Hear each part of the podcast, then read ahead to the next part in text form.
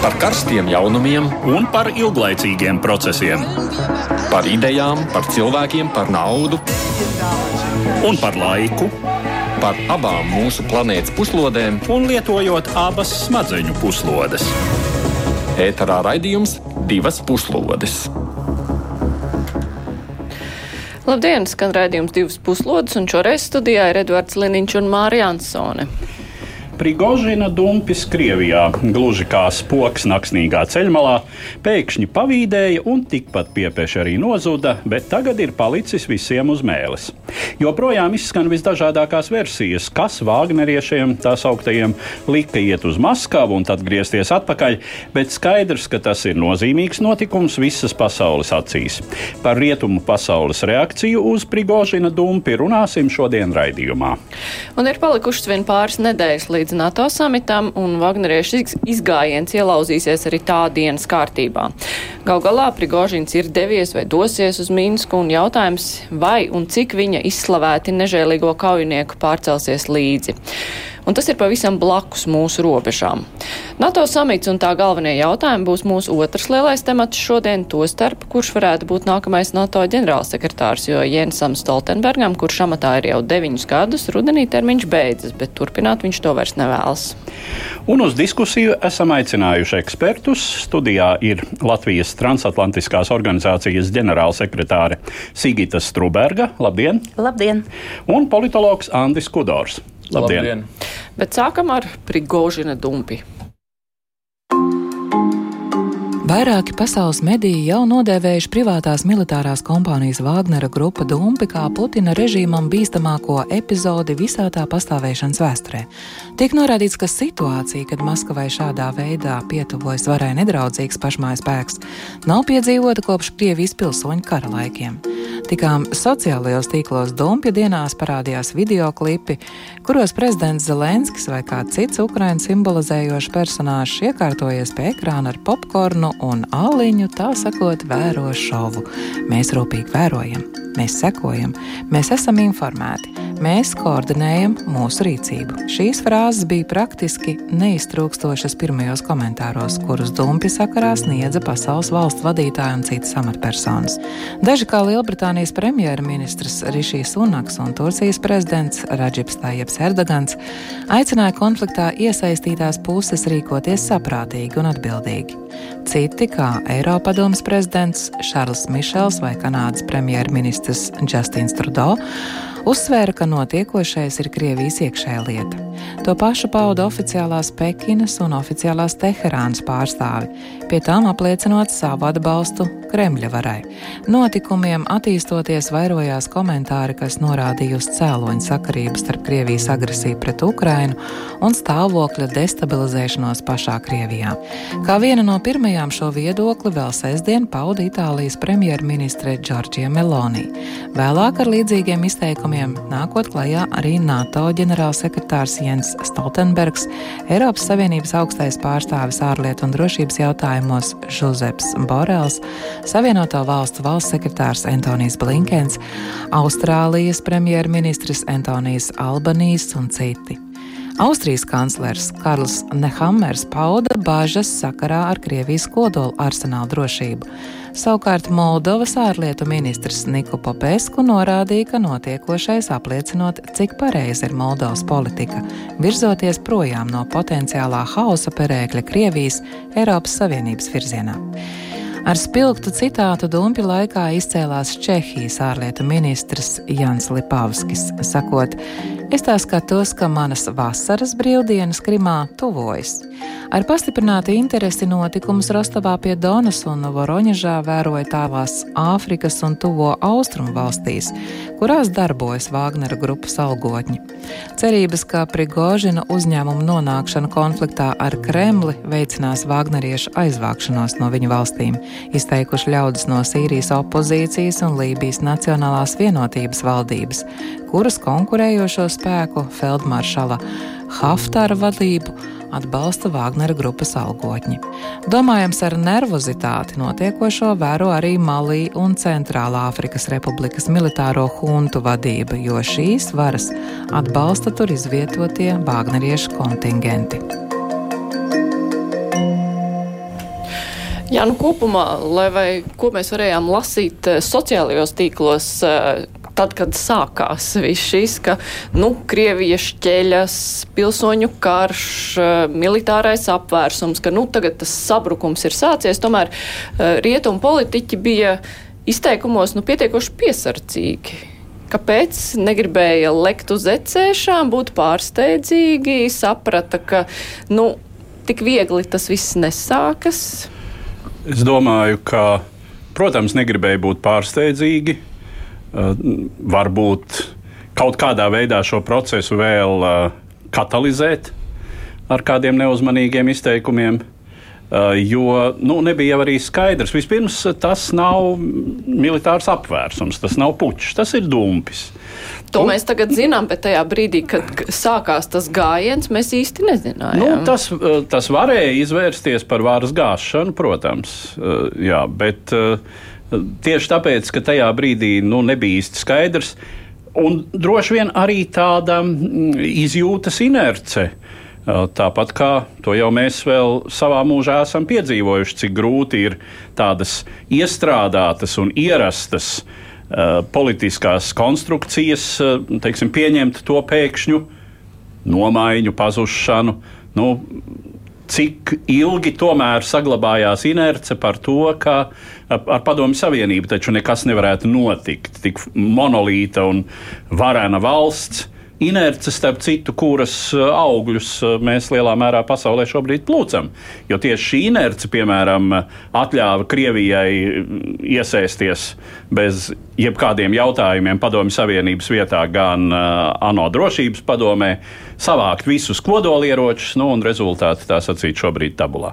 Tā ka jā, nu, protams, ka pasaules politiķi bija piesardzīgi nu, visnotaļ loģiski. Tāda ir viņu uh, darba, es teiktu, darba ētika. Jautājums, nu, vai pasaules politiķi gribētu vai negribētu, lai Krievijā notiek nu, kaut kāda tāda situācijas satricinājums, kas var gāzt Kremļa varu, piemēram? Vai tas ir tas, no kā baidās, jo nav zināms iznākums, un kur nu vēl Prigožins, kurš galīgi nebūtu tas, ko gribētu tur redzēt. Nu, es domāju, ka tieši tas jau arī bija uh, viens no pamatiem, lai būtu rietumu politiķi uzmanīgi, jo uh, ir izpratne par to, ka mm, Krievija, kas uh, būtu izjukusi, uh, teiksim, uh, noziedznieku rokās nokļūtu kodolieroči un tā tālāk. Protams, ka tas ir nozīmīgs uh, drauds. Ja? Jāsaka, ka gan šobrīd arī noziedznieku rokās ir kodolieroči, um, bet tomēr šis, šis noziedznieks, ir pieņemu, ka ir vairāk paredzams gadus, nekā jā. Prigožins vai vēl kādi. Uh, nu, mēs jau redzējām, ko viņš iecēla par pagaidu gubernatoriem, ja? vai, vai, vai tās bildes, kas parādījās par iespējamiem. Tāpēc, protams, ka tas ir viens uh, no iemesliem. Otrs, manuprāt, tomēr uh, ir svarīgi arī atcerēties, atcerēties, ka mm, rietumi vairāk kārt jau ir bijuši tādās apcerīgas domāšanas lamatās, un apcerīga domāšana par to, ka Putins tūlīt, tūlīt varētu tikt gāzt, tikt gāsts un Kremlī viss ir slikti, uh, nu, manuprāt, tā tiešām joprojām ir apcerīga domāšana. Tāpat kā apcerīga domāšana, uh, protams, ka tur ir šķelšanās, bet tas ir cits jautājums. Uh, un vai tā neapmierinātība ir pietiekama? Un vēl viena lieta, lai, kas ir svarīgi atcerēties, lai vai um, kā tās cerības, kas uh, dažiem bija attiecībā uz to, ka iedzīvotāji tagad varētu pievienoties uh, dumpiniekiem vai nemierniekiem, uh, manuprāt, uh, arī pret to bija uzmanīgi, jo šo cerību īsti, manuprāt, uh, šādām cerībām nav pamata ņemot vērā, ka Krievijas iedzīvotāji kopumā turpina atbalstīt Putinu. Man liekas, ka izmaiņas Krievijas iedzīvotāju attieksmē varētu būt atkarīgas nevis no tā, ka viņi būs neapmierināti par Putina rīcību, bet drīzāk tad, kad viņi ieraudzīs, ka ir kāds cits spēks, kas ir pārņēmis varu, un tad pieslēsies stiprākajam. Tas drīzāk ir tas scenārijs, ko es redzētu. Nevis, ka tagad tautu masas pēkšņi pašas sākt organizēties, lai izteiktu neapmierinātību par Putina darbībām. Bet tad rietumi drīzāk cerēja, ka tas norimsies, vai tas aizies? Domāju, kā kurš mēs jau tur katram galvā neielīdīsim, bet es domāju, tā rietumu piesardzīgā komunikācija bija ļoti laba. Kāpēc? Tāpēc, ka Kremļa, Kremļa propagandisti jebkuru tiešāku, asāku vārdu izmantotu, lai skaidrotu savu uh, savu propagandu un izplatītu dezinformāciju par to, ka rietumi to aktīvi īsteno, ka rietumi aktīvi īsteno, grib sadalīt Krieviju. Nu, viss šis stāsts, ko Krievijas propagandisti kultivē gadiem. Tāpēc tas, ka viņi bija uzmanīgi, tad viņi caur to nu, ne, neiedeva munīciju vairāk propagandistiem. Viņiem tāpat, protams, viņi no nekā uzpūš kaut ko, bet nu, tomēr runājot par to Kremļa gāšanos, toriņa, nu, tas to, rietumos ir svarīgi, uz kur pusi viņš gāžās. Jā, jā, protams, tās cerības ar to, ka Krievija varētu kļūt demokrātiska, viņas bija, ja, sevišķi 90. gadu inercē kad faktiski tikai Baltieši bija un vēl tur centrāla Eiropas valsts bija realistiskākas. Ja, mēs, mēs turpinājām izteikt savu satraukumu par procesiem Krievijā un neusticējāmies demokrātiskajam tranzītam. Un mums bija taisnība. Un tāpēc 97. gada Černomirdina piedāvājumu Jeļcina piedāvājumu Baltijas valstīm par ka viņi mums drošību garantētu pēc tam, kad mēs bijām paziņojuši, ka mēs stājamies NATO 95. gadā. Mēs to, protams, noraidījām, un tas, tas ir dabiski.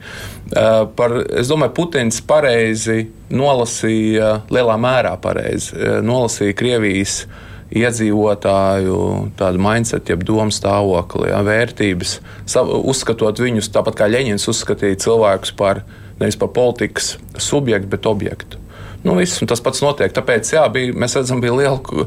Putins tagad tajā runā vairāk atsaucās, nu, pat, ka viņš arī apbalvoja tos savus, kas viņu sargāja virsniekus un dažādu spēku struktūru pārstāvjus, viņš jau runāja vairāk, ka viņu institūcijas bija sargājušas. Nu, jā, jo tauta nu, nebūna nebē, piedodiet, jā, par, par žargonu. Tātad tauta klusē. Tas ir kā puškiņa jautājums. Ar to narod, narod bez molstuvēt. Tātad, ko tauta? Tauta klusē.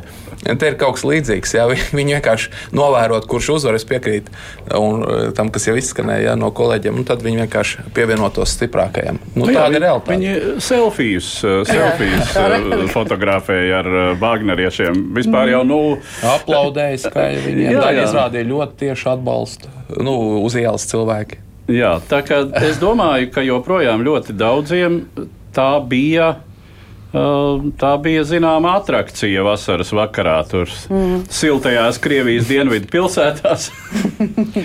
Jā, bet šeit es gribētu vēl piebilst par to, paldies par, par, par, par to mm, komunikāciju, ja Kremlis vai Kremļa propagandisti izmantos. Un es speciāli arī pa, pa, pa, paskatījos internetā, ko tad uh, propagandisti šobrīd runā. Un tiešām uh, tagad uh, pēc Putina uzstāšanās pieaugoši tiek runāts par to, ka nelāgie rietumi ir visu šo putru ievārījuši kopā, protams, ar Ukraiņiem, lai vainātu Kremļa varu, bet visi institūcijas ir nosargājušas un iedzīvotājiem ir katram, un šito jau mēs dzirdam ļoti daudzus gadus, katram ir jābūt savā vietā. Principā tas nozīmē neraujies nekur ārā karā esi savā vietā, tavs pilsoņu pienākums ir politiski nedarīt neko, uh, sēžot pie televizora, turpināt atbalstīt Putinu. Un pa lielam tauta to arī izpildīja. Nu labi, bet principā rietumiem ir kaut kāda tāda vīzija, ne, kā viņi gribētu redzēt. Uh, labais scenārijs, kā, kas vispār Krievijā mainās, jo visi zina, Putins ir slikts, viņi karo, viņi ir agresīvi, viņiem ticēt vispār nevar. Jā. Kādu rietumi savā galvā iedomājas nākotni, kur nu, ja, atradīsies kāda Krievija, kā tas viss mainīsies? Nu, ja tu jautātu man, tad es domāju, ka rietumi joprojām visdrīzāk, kā vēlamāko scenāriju, nu, vismaz tie politiķi, kas šobrīd ir rietumos pie varas un kam ir jārisina konkrētie šī brīža risku un, un izaicinājumu jautājumi, viņi vēlētos redzēt jaunu augsto karu kādu laiku, teiksim, stāvokļa nostabilizēšanos, eh, Krieviju izolētu. Uh, un tad mēģinot teiksim, to nokausēt, kas, kas protams, teik, tādā, nu, ja mēs tā spriežam, uh, šī brīža rietumu un Krievijas spēku samēra ziņā, tas varētu būt tāds reālākais uzdevums - nokausēt Krieviju jaunā bruņošanās sacensībā, un tad gaidīt, kad Krievijas sabiedrība sāks prasīt tomēr kaut kādu saslēgšanos ar rietumiem un tā tālāk. Eh, nu, protams, skaistu, labu scenāriju vispār nav. Varētu jau, varētu jau, protams, runāt par to, ka Krievijā uh, varētu notikt kaut kāds demokratizācijas process, uh, kurš to vērtē kā reālu. Nu, Un no kurienes tas sākās? kur tie kaut vai, kaut vai šie Krievijas opozīcijas spēki, kā tie uzvedās Prigožina dumpja laikā? Nu, principā, Prigožins ir uh, krimināla noziedznieks režīma uzpumpēts eh, krimināla noziedznieks, absolūti negatīvs personāžs. Bet no Krievijas opozīcijas nometnes jau atskanēja balsis nu, no tiem trimdiniekiem šobrīd, eh, kā labi, jā, atbalstām ne no nu, kā, kādreiz jau Limonovs arī ar Ņemcovu bija nu, tā, tā, kā, tā kā vienā opozīcijā. Viņi pat sadarbojas, bija preses konferencē, kur jā, viņi jā. bija kopā, tāpēc, ka cerēja, ka nu, apvienojot spēkus kaut kas notiks, bet visi redzēja, ka tas ne ar ko jā. labu nebeidzās. Tā ka, bet katrā ziņā, nu, uzreiz jāsaka, ka es domāju, tajā brīdī, kad Prigožins bija, kad Prigožina kolonas sasniedz Ļipēckas apgabalu, kur starp citu atrodas kodolieroču arsenāli, Tad rietumos bija eh, nu, tā panika, varbūt mēs nenovērojām, bet, eh, eh, bet uztraukums bija ļoti liels. Jo kodolieroči nejaušu cilvēku rokās. Tas ir, manuprāt, lielākais biets, mm. kas tas rēks, kas klīst pa šī brīža rietumu, rietumu vadītāju kabinetiem, un tas jau nav bez pamata. Jā, bet mm -hmm. vēl te par šīm maiņas iespējām, vai ko rietam redzēt, nu tiešām kāds var būt labākais scenārijs. Mēs neredzam uh, skaidri uh, nu, ar tādām pašām vērtībām kā mums uh, demokrātiski noskaņotu opozīciju opozīcija, pat ja kāds ir, tā opozīcija ir vāja, tā nespēja uzņemties līderību. Un, un tiešām šī, šī, šī, šis, šī gatavība uh, sadarboties dažu vidū, kas parādījās, uh, mani vedina uz vēl vienām pārdomām, jo tajā brīdī, kad es vispār skatījos to, kas notika, ja, tas, tas jau nav tikai par opozīciju, atkal jau atgriežoties pie sabiedrības. Sabiedrībai bija ok, ka sveicināt kriminālu noziedzniekus, tos, kas ir nogalinājuši cilvēku cilvēkus, viņu līdzcilvēkus, tos, kas ir zaguši un tā tālāk, tagad viņus sveicina kā varoņus. Un tad vēl uh, brauc Kadīrova cilvēki, Ahmatovieši, kas, kas rāda fotografijas krustojuma vidū ar kaut kādām netraferētām mašīnām. Cilvēki sveicina, zina, kas tās par mašīnām. Mums pat 90. gados tas nelikās iedomājams, kas tur ir ir uh, ok. Un tad iedomājieties, kādām transformācijām ir jānotiek šai sabiedrībā, lai šo, uh, kas tiek pieņemts par normalitāti, izskaustu. Tas, tas ir ļoti sarežģīts un ļoti ilgs process, manuprāt. Par tiem opozicionāriem tur bija dažādas balss. Vladimirs Milovs, piemēram, teica, ka nevajag nekādīgi iesaistīties, neko atbalstīt. Prigoži nevajag tā paša iemesla dēļ, ka viņš ir noziedznieks un tā tālāk. Uh, bet jā, bija savukārt Mihails Khodorkovskis, kurš mm -hmm. teica, ka jā, viņš situatīvi atbalstot. Viņš lietoja vārdu situatīvi un tiešām viņi izteica atbalstu. Tas jā, bija līdzīgi 90. gadiem Ļimonovu. Bet Novadvorska es atceros uh, tajā laikā, kad daļa no Eh, tā, kas ar Borovoju parasti arī Latvijā bija atbraukusi eh, jau padomu laika disidente. Eh, ļoti cienījama kundze. Un, Viņa, viņa bija tā, kur teica, nē, nē, ar šiem nedrīkst. Jā. Tas ilgtermiņā tad atkal būs taktiski, kā var kaut ko iegūt strateģiski, tad ir zaudējums. Jā. Un tā. Bet vai rietumiem ir svarīgi tagad lauzīt galvu Kāpēc tas notika un kāpēc, kas viņiem tika apsolīts par uh, apgriešanos riņķī? Jā, nu, tas, kas izskanēja jau no kolēģiem, tika pieminēts kodola uh, faktors, ja, kodola draudu iespējamie. Tas ir tikai paaugstinājies tagad, nevis samazinājies. Bija redzams tomēr pie vis tā, ka bija spēku struktūras, kas Putinu nosargāja. Tomēr viss redzēja, maršs bija iespējams, ilgstoši. Daļa, nu labi, te varētu spriest, protams, atšķirīgi. Ja tie, tas būtu ārvalstu karaspēks jautājums, vai viņiem ļautu tur tik brīvi iet, tie bija prigožinieši, kur vietējiem tur jābūt sevišķai motivācijai, lai tagad riskētu savu dzīvību, nesaprotot, kas būs tālāk. Jā. Un, kad ir ierobežoti, jā, tad nu, pat viņu viens no komandieriem teica, ka viņiem īstenībā pavēle nesot bijusi, bet nu, tad visi mēdīji un pilsoniskā sabiedrība saka, nē, nē, viņi vienkārši veselu dienu brauc tur, kur trīs stundās bija jāizbrauc. Jā. Nu, ir, ir tā sajūta par bardaku Krievijā no ārpuses vērojot, viņi ir pieaugusi. tas, ka Putina režīms ir vājāks, dēļ, jo kaut kas atkālinās. Tas mačo tēls, jau bija lielā mērā uzpūsts. Ja, un, Nu, ir versija, ka Putins arī tagad krīzes tajās stundās bija izlidojis ārā no Maskavas. Nu, tagad Valodins, kas ir uh, parlamenta spīkers, tā saucamā parlamenta, viņam nav parlamenta, kā mēs zinām, ir fikcija. Valodins teica, ka tagad ir jā, jāizmeklē viņu vienai no komitejām parlamenta, tātad valsts domas, jāizmeklē tie, kas ir, kur izbēg ārā no Krievijas tajās stundās.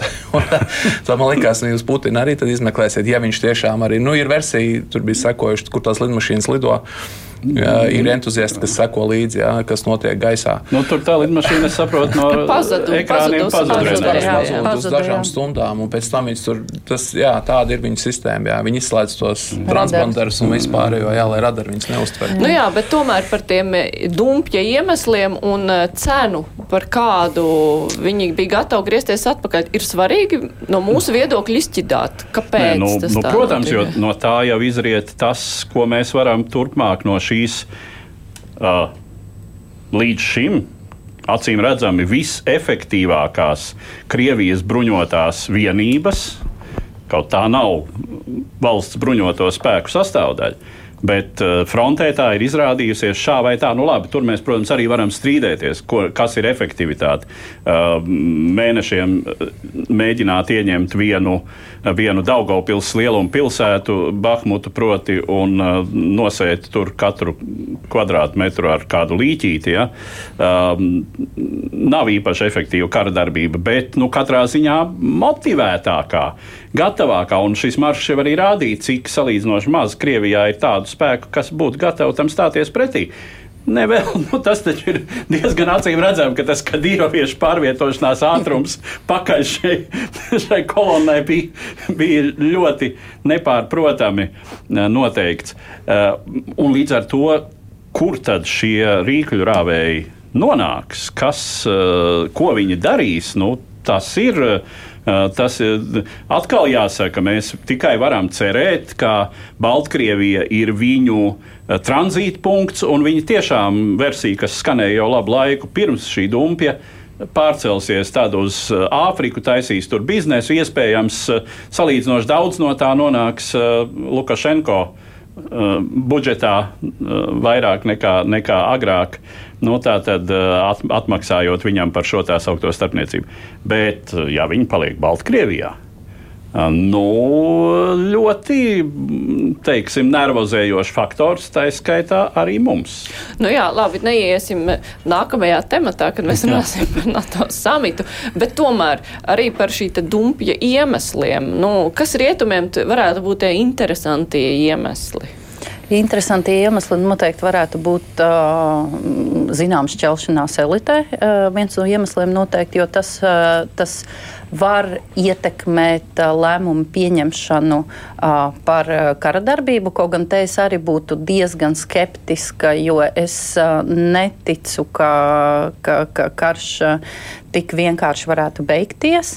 Bet tajā pašā laikā, protams, tas ir nozīmīgi skatīties. Un, jo tad var skatīties arī tās vājākās vietas. Un, protams, ka noteikti arī no teiksim, kara vešanas viedokļa, tu, tur varētu skatīties uz cēloņu sakarībām.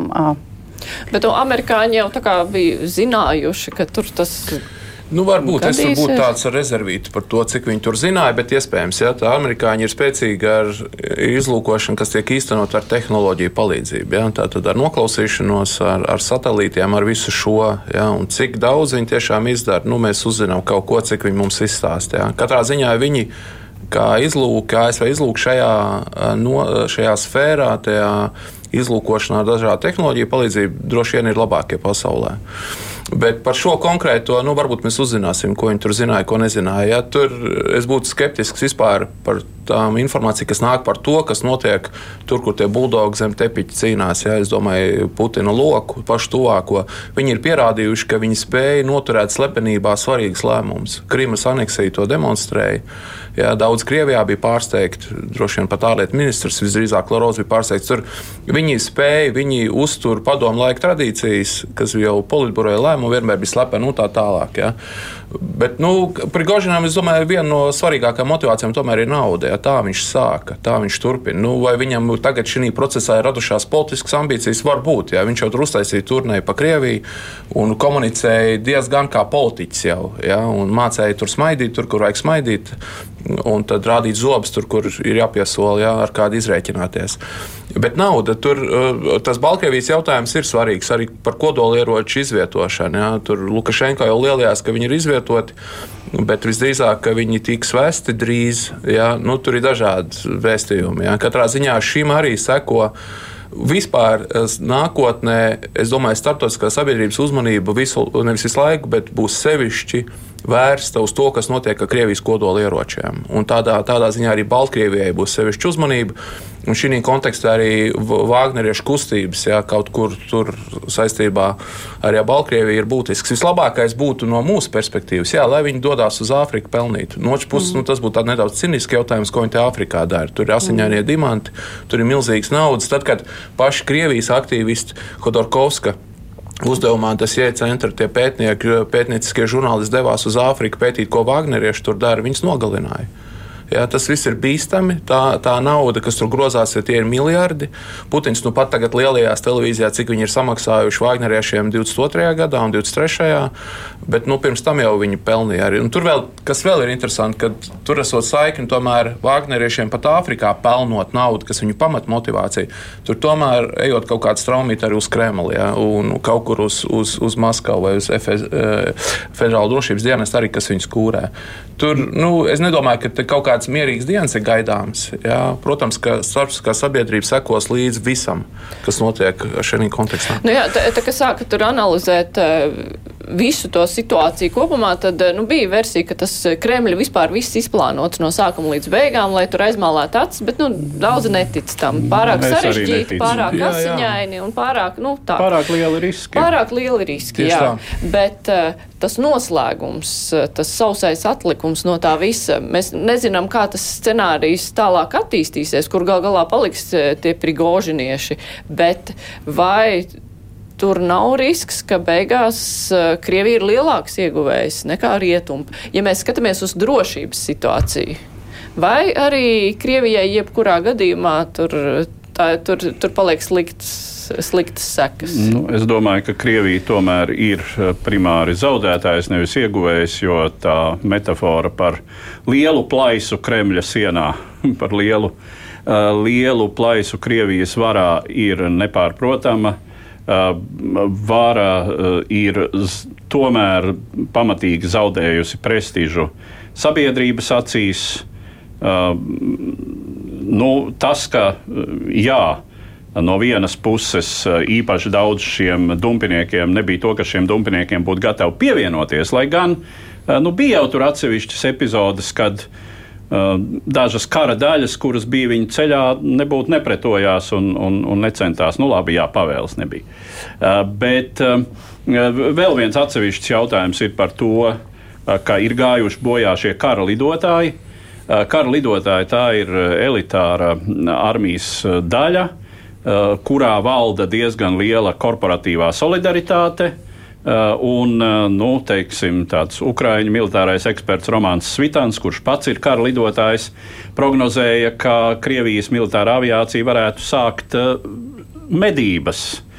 Šo Vāgneriešu medības. Nu, jautājums, protams, kur viņus varētu tagad noķert, ja viņi kaut kur pašķīdīs un, un, un uh, koncentrēsies Baltkrievijā, bet, uh, bet katrā ziņā šie kara lidotāji neaizmirsīs to, ka viņu biedri ir gājuši bojā, pie tam tādā diezgan neiedzīgā veidā, cik var spriest. Nu jā, bet tad uh, rietumu pasaules drošība, mūsu drošība, ņemot vērā visu šo kodolieroču aspektu, nav iedragāta vēl vairāk kā Kremļa stabilitāte.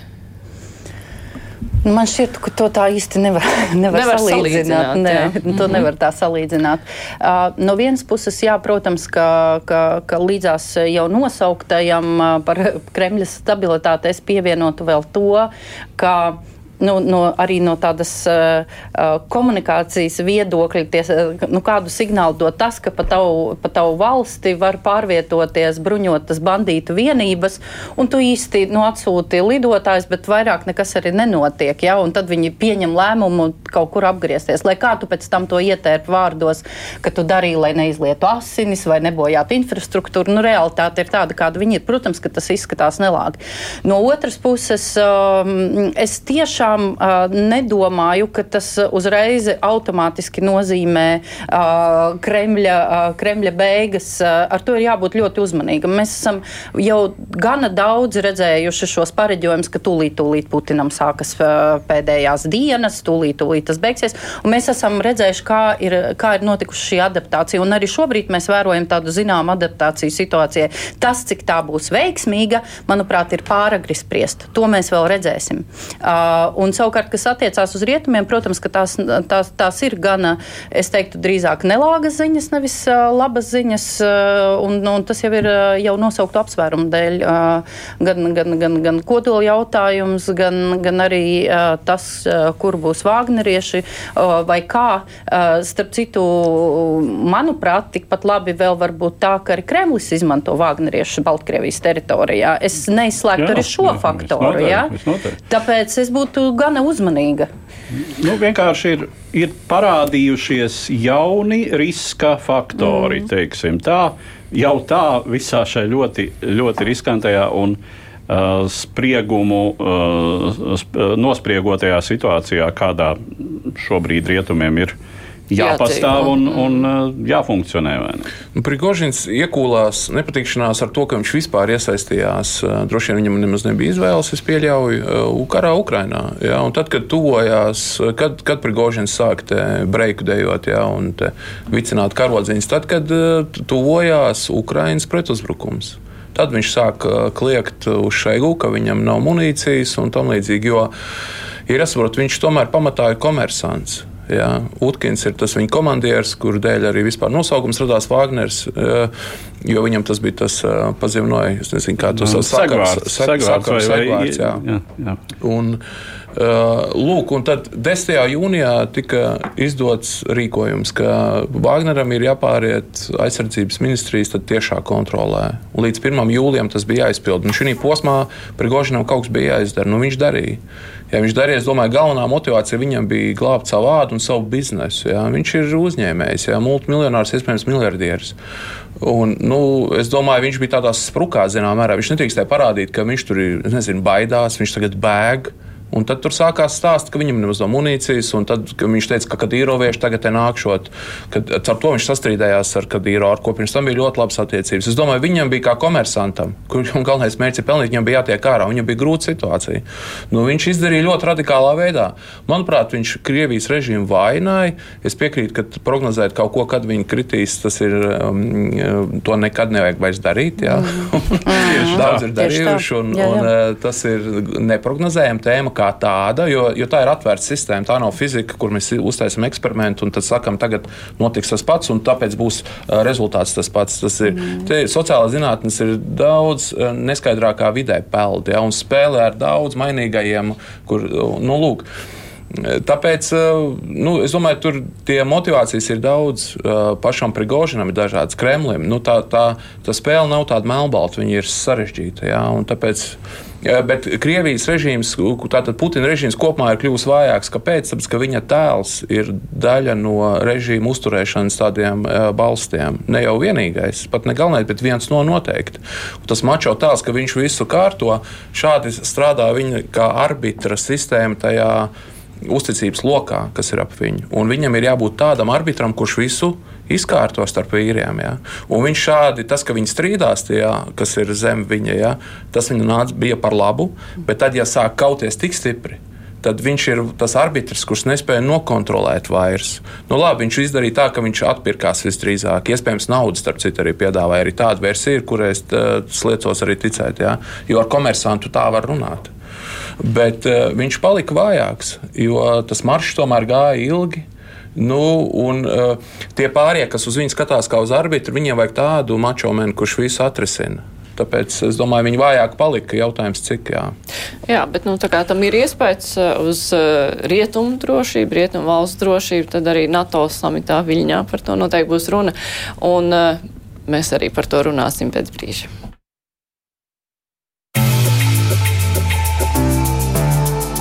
Ātrums, ar kādu pa Krieviju pārvietojās sadumpojušos Vāgneriešu kolonas, liek vēlreiz pārvērtēt NATO ziemeļa austrumu flanga aizsardzības spējas. Lielāku Krievijas vai Baltkrievijas spēku koncentrēšanās Baltijas un Polijas robežu tūmā protams, tiktu saulaicīgi pamanīta un alianses spēka attiecīgi mobilizētos. Taču nav izslēdzama salīdzinoši pēkšņa, samērā nelielu, taču labi sagatavotu un vadītu vienību parādīšanās, kas arī var būt nopietns destabilizējošs faktors. Pamatu vēl lielākām bažām rada tas, ka karakungs Prigožins ar vairākiem tūkstošiem savu rīkļu rāvēja, cik noprotams grasās vismaz uz laiku ieperināties Baltkrievijā gluži tuvu Latvijas un Lietuvas robežām. Tāpat Vāgnera grupas dumpis liek nopietni apsvērt plašākus drošības jautājumus, cik liela ir nopietnu iekšēju juku iespējamība Krievijā, kas tādā gadījumā notiktu ar Krievijas kodolieroču un citu masu iznīcināšanas ieroču arsenāliem, kurp varētu virzīties potenciālās bēgļu traumas. Viss iepriekš minētais noteikti būs nākamā NATO samita uzmanības centrā, kad tā dalībnieki 11. un 12. jūlijā tiksies Viļņā.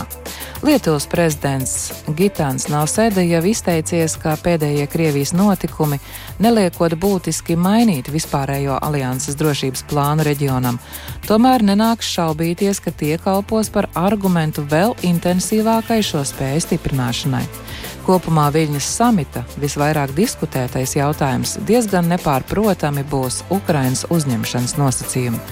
Cik drīz pēc kara beigām tas varētu notikt? Vēl viena samita dienas kārtības tēma ir Turcijas joprojām bloķētā Zviedrijas uzņemšana aliansē. Tāpat aktuāls ir jautājums par nākamo alianses ģenerālsekretāru, jo Jens Stoltenbergs paudzes nodomu oktobrī šo amatu pamest.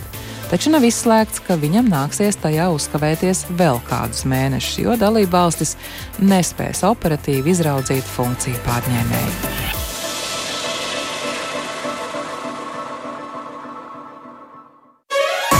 Divas puslodes.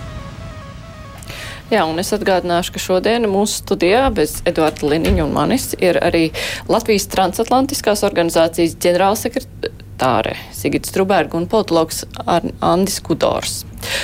Tas ātrums eh, šajā ierakstā bija pieminēts, eh, kādā Vāgnerieši devās pa Krieviju, un neviens viņiem netika pakaļ, nekad īravieši, nekas. Bet, nu, tādā ātrumā viņi taču, lai cik tuvu atrastos NATO eh, robežām, tas ir mums un Lietuvai, nu, viņi nenāktu. Oh. Mūsu robežās iekšā. Tas nebūtu iespējams. Nu, tas ir labs jautājums, kas, protams, ir jāuzdod militāriem ekspertiem. Uh, es neņemos tagad atbildēt. Šķiet, ka uh, vai tajā sarunā, raidījumā, krustpunktā jūs neskārāt šo jautājumu? Nē, šādā kontekstā gluži šādā ne, kontekstā tas ne. Uh, nu, šķiet pārāk neiespējami, jo mēs esam NATO valsts. Uh, nu, ja ir runa par šādām te uh, nevienu īsti nekontrolētām grupām, tad tā jau nu, uh, piektais pants un viss, kas ar to saistās, var nebūt šķērslis. Jautājums jau ir par to, uh, kāds būtu šāda iebrukuma mērķis uh, un ko, ko var izdarīt. Ja? Jo, nu, jā, diezin vai, uh, teiksim, varētu ieņemt tā pēkšņi uh, kādu nozīmīgu teritorijas daļu, vēl jau vairāk tur noturēties, un tad tur mm, īstenot kaut kādus jau politiskus pasākumus. Uh, nu, tādu, teiksim, tā Donbasu Latvijā uztaisīt, vai, vai Lietuvā, vai vienalga, kur, nu, uh, to, tam ir vajadzīga cita spēku koncentrācija. Visdrīzāk, ka to izdarīt patiešām, to sagatavot nemanāmi nevarētu, attiecīgi būtu pretreakcija saskaņā ar jauno koncepciju, ka mēs tā sacīt ne kvadrātcentimetru no savas teritorijas potenciāli nedrīkstam ļaut ieņemt. Bet kaut kāda īsa akcija, nu, tā ka, teiksim, var veikt ar attiecīgu transportu dažus simtus kilometru, nu, mēs saprotam, ka to var izdarīt. No samērā neliela attāluma tāds ātrs lēciens sataisa, piedodiet, mēslus asiņainus un ātri atkal nozūd bet nu, sekas, teiksim, paliek. Ja? Bet nu, šis NATO samitā varētu tikt apspriest kā kaut kādas iespējamības, jo gan Latvija, gan Lietuva ir pauduši satraukumu, ka nu, tie, tie prigožinieši būs. Nu, mēs vēl nezinām, protams, vai viņi tur ieradīsies un cik lielā skaitā, bet nu, tas pie, pieļauts tiek. Tad to, ka viņi varētu reāli mūs apdraudēt, vai tas NATO valstīs var tikt uztverts tā nopietni? Apdraudējums principā tiek uztverts nopietni jau pirms šī uh, notikuma, tāpēc attiecīgi tiek veidoti atbilstoši plāni, tāpēc tiek, uh, ir mainīta attieksme pret to, kā būtu jāaizsargā mūsu flanks. Ja? Tāpēc mēs redzam izmaiņu par to, ka no pirmā kvadrātcentimetra nevis, kā mēs dzirdējām, saskaņā ar iepriekšējiem plāniem, ka vispirms okupācija, pēc tam atbrīvošana. Jautājums, manuprāt, drīzāk ir par to, kā realizēt šo aizstāvēšanu, katra kvadrātcentimetra aizstāvēšanu, ņemot vērā tās spējas, kas mums ir tas šobrīd ir daudz aktuālāks jautājums. Un šīs spējas nozīmē gan, gan cilvēku spēkus, gan arī tos ieročus, kas ir mūsu rīcībā vai kopumā NATO rīcībā. Un te gan tas nav tikai par mūsu iepirkumiem un mūsu mājas darbiem, tas ir kopumā par NATO iepirkumiem un NATO mājas darbiem, ņemot vērā, cik jā, Krievija ļoti daudz sevi ir izpumpējusi, bet mēs atceramies Vācijas stāstu un citus stāstus par to, cik cik tad reāli ieroču ir NATO dalību valstīm, kā, tie, kā ta, tas ieroču apjoms ir jāatjauno, lai mēs spētu pilnvērtīgi sevi aizstāvēt. Jo, um, lai arī, protams, ka Krievu propagandistiem ir ļoti, uh, ļoti daudz blefa, bet viņiem ir taisnība tajā ziņā, ka NATO kā alianses spēja ar šādu pretinieku nekad nav bijusi testēta, un mums ir jābūt uh, gatavam, pilnīgi skaidram plānam, ko mēs darīsim.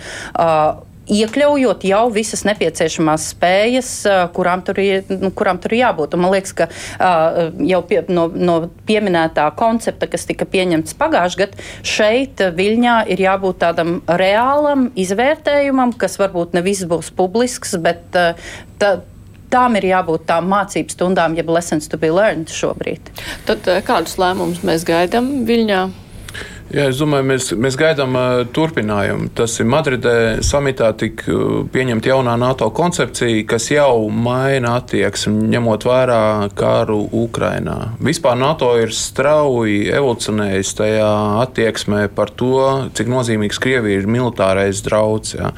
Manuprāt, tas uh, principālais pagrieziens notika 2014. gadā, kad bija NATO samits Velsā, kad tika lemts, ka hibrīd karš ir karš Un, ja pret kādu NATO dalību valsts tiks īstenots kaut kas līdzīgs, kas bija Ukrainā, tātad hibrid, lietojot hibrīdu kara metodas, tur, kur būs, protams, militārā komponente, tad, tad, tad tas tiks uzskatīts arī kā, par iemeslu 5. pāntu iedarbināt. Tad 2016. gada bija Varšavā NATO samits, kad lēma par paplašinātās kaujas grupas izvietošanu Baltijas valstīs un Polijā. Nu, lūk, tas bija principāls pagrieziens. Šādi pagriezieni, varbūt nevis pagriezieni, bet tagad soļi, viņi turpinās. Tā, līdz tam Madrides samitam bija doma, ka nu, te būs kaut kāds ierobežots kontingents mūsu partneru valstu ar mērķi atturēt, ar domu, jūs saprotiet, šeit ir Kanādas kareivi, te ir ASV. Tad Igaunijā liela briti un vācieši Lietuvā, neskaitot vēl visas pārējās nācijas, kas tiek pārstāvēts. Tātad, nu, ja jūs, jūs saprotat, ja jūs nogalināsiet kādu amerikāņu vai britu, nu, tam būs sekas. Ja? Bet tagad tas tika, tiek mainīts. Tiek domāts par brigādes izmēru izvietošanu katrā no Baltijas valstīm, tāpēc Vācija jau runā par Tas ir apmēram tā, tā, tā brigāde tiek skaitīta no 3 līdz 5 tūkstoši kareivi. Ja? Uh, tas ir ar, nozī, ar domu, ka šī apvienojot jau ar vietējiem spēkiem, būs nevis tikai tas, kurš ļauj, nevis tikai kas kavē, bet kas apstādina. Tātad katrā ziņā tas ir uzdevums tagad, tagad spriedīs un turpinās spriest pareizāk par to, kā nostiprināt Baltijas valstu spēkus, jā, papildinot viņus ar katrā valstī, cerams, ar brigādes izmēru, tātad papildus spēkiem, lai reāli apstādinātu. Bet, nu, jā, ir, protams, tie ir jautājumi. Tie ir jāturpina Latvijas bruņotajiem spēkiem, jāturpina mehanizācija. Tas viss ir, tas ir dārgi un to vajag. Un mēs esam daļu atdevuši Ukrainai. Kopumā es gribēju pateikt tādu teikumu, ka NATO apmāca Ukraiņas kareivis, bet vienlaikus NATO mācās no mm. Ukrainas, kā karot. Ja? Ši, mums ir kaut kāds handicaps šai ziņā, ka līdzīgi kā bija hibrīda, kā 14. gadā, 15. gadā. Uh, ka mēs varējām mācīties no viņiem izdarīt mājas darbus. Un viens no mājas darbiem, ko Latvija izdarīja toreiz, ja, pēc 14. gada, kad mainīja uh, tos likuma pantus, kas pasaka, kurš atdos pavēlu šaut. Uh, Un tad runājot par to maršu Brusokrievā valodā, tātad par to iespējamo tādu uzbrukumu maršu, ar kuru mazajā Latvijā, protams, es pieņemu diezgan tālu varētu ieskriet iekšā, bet kur būs atšķirība tad ar, ar to, kas bija nu pat Krievijā, ar viņa mar, ar Prigožinu maršu, būs tas, ka te šaus pirmajās minūtēs uzreiz. Ja? Pirmajās stundās jau būs karš, un tā ir būtiska atšķirība. Jo tā motivācija šeit ir augsta karot. Uh, un tā būs atšķirība ar to, kas bija uh, Prigožina teiksim, militārajā pastaigā uh, kas bija, protams, bīstama pastaigā ja, Krievijā. Bet līdzās tai brigādei ir vēl viena lieta, ko, ko šobrīd arī NATO mācās, un tas ir turpinājums, es teiktu, šajā gadījumā no Madrides, ir šī doma par ātrās reaģēšanas spēkiem, kas līdzās brigādei neobligāti atrodas šeit uz vietas, mm. bet šobrīd tiek trenēts, piemēram, Dānijas spēku, tātad testēts, cik ātri ierasties, lai tas būtu pietiekami ātri. Ja? Tāpēc mēs tiešām redzam tādas vairākas mācības, kas šobrīd tiek tiek apgūtas, kas tiek pilnveidotas, uztrenētas, bet uh, pie, pie, pie savukārt pie ieročiem, uh, te bija runa par mehanizēto, tad uh, šeit, manuprāt, ir tiešām jāsaprot, es vēlreiz gribu uzsvērt, ka tas nav tikai par Latvijas iepirkumiem, tas ir kopumā par NATO, par to, cik NATO dalību valstīs ir spēja vispār saražot mhm. ieročus. Bez nopirkšanas vēl ir jautājums par spēju saražot ieročus. Un te ir ļoti daudz kas darāms. Labi, bet par Ukrainu Un NATO viena lieta ir mili militārā gatavība, kas Ukrainai, kā jau tika minēts, ka nu jau NATO var daudz ko mācīties no Ukrainas, bet otra ir eh, politiskā gatavība. Mūsu prezidents Egils Levits, kurš vēl ir amatā, viņš eh, arī aizstāvēja ideju, ka ir jāpieņem lēmums iespējami drīzāk pēc kara, lai, nu, nevis lēmums, bet ka Ukrainai jābūt NATO iespējami drīz vai tūlīt pēc kara. Cik tas ir reāli, ka kaut ko pieņems NATO samitā? Nu, kaut ko jau pieņem. Droši. kaut ko jā, bet es domāju, konkrēti taustām. Konkrēt. nu, droši vien tas ir tas um, jautājums, kas raisa vislielākās šaubas, vai tiešām NATO samitā Viļņā tiks pieņemts tas, uh, nu, tas ko Ukraina gaidītu, ko tā vēlētos, tātad, un ar ko arī uh, mūsu Pagaidām joprojām valsts prezidents Egils Levits ir definējis kā, kā mm, savu pozīciju, ka tū, nu, tā, tūlīt pēc kara. Ja? Tūlīt pēc kara darbības beigām, kad, kad Krievija ir um, pārtraukusi uh, agresiju pret Ukrainu, uh, tad runāt par uzņemšanu. Nu, Es teiktu tā, ka tā skatoties no vēsturiskās perspektīvas, nu, NATO ir tāda organizācija, kurā ir bijušas vēsturiski nedemokrātiskas valstis, tās nav no turienes mestas ārā, tāpēc, ka tur pie varas nāk militāra junta. Uh, Portugāla bija diktatūra tad, kad tā tika uzņemta NATO.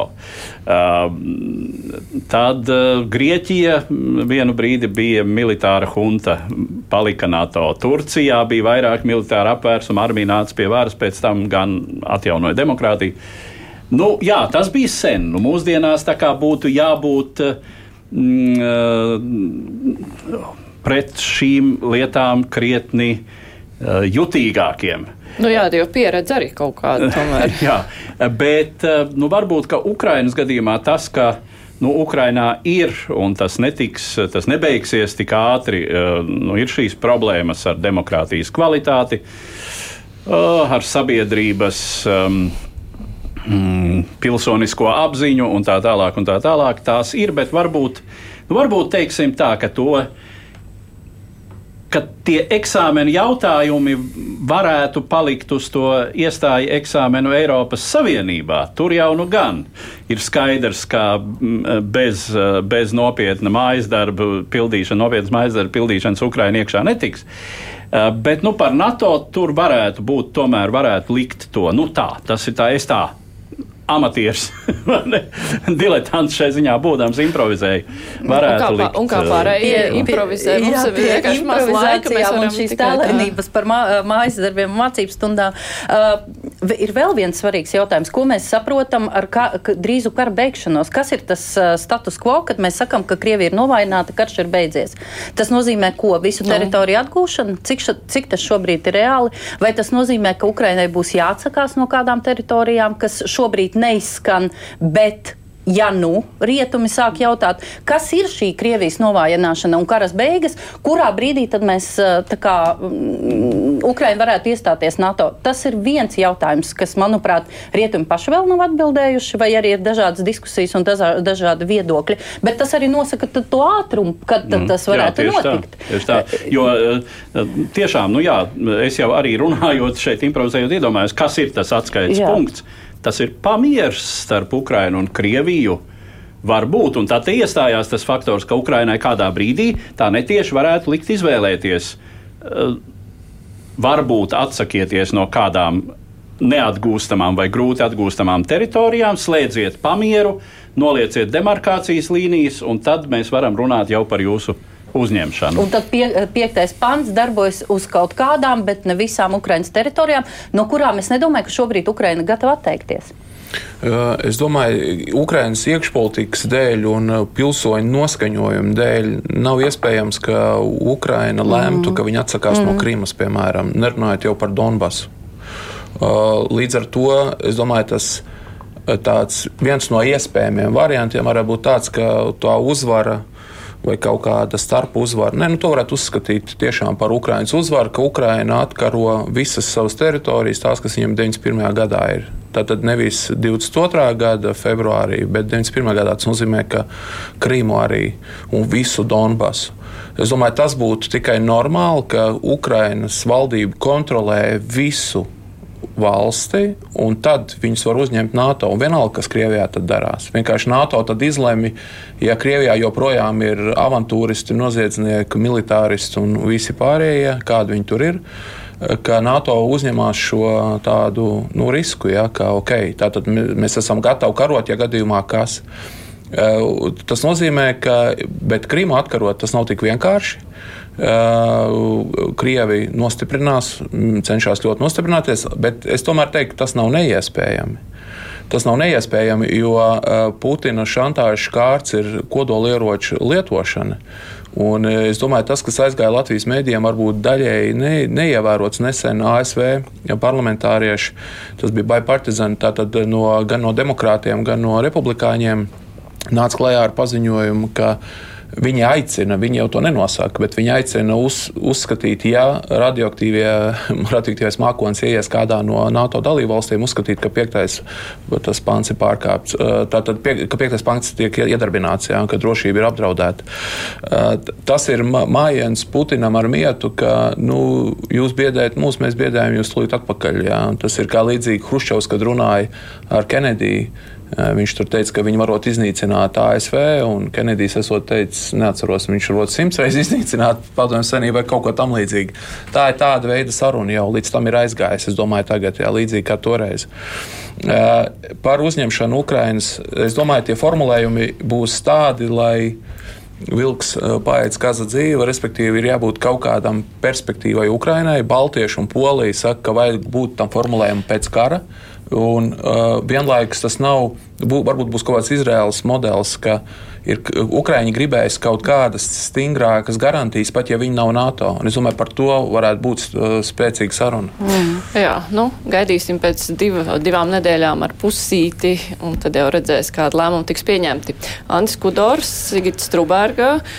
Edvards Liniņš un Mārija Ansona bija kopā ar jums par Jensa Stoltenberga nākotni NATO ģenerālsekretāra amatā. Mums nesanāca runāt, bet, nu, jā, tas, ko. Tāpēc, tas, tas, ko... es daudz runāju beigās. Nē, tā tas nebija, bet tas, kas tiek minēts, ka viņš varētu vienkārši paturpināt savus pilnvaras vēl kādu gadu, un tad nenāksies NATO dalību valstīm par to strīdēties. Bet kādā no turpmākajiem raidījumiem, gan jau, ka varēs arī par to runāt.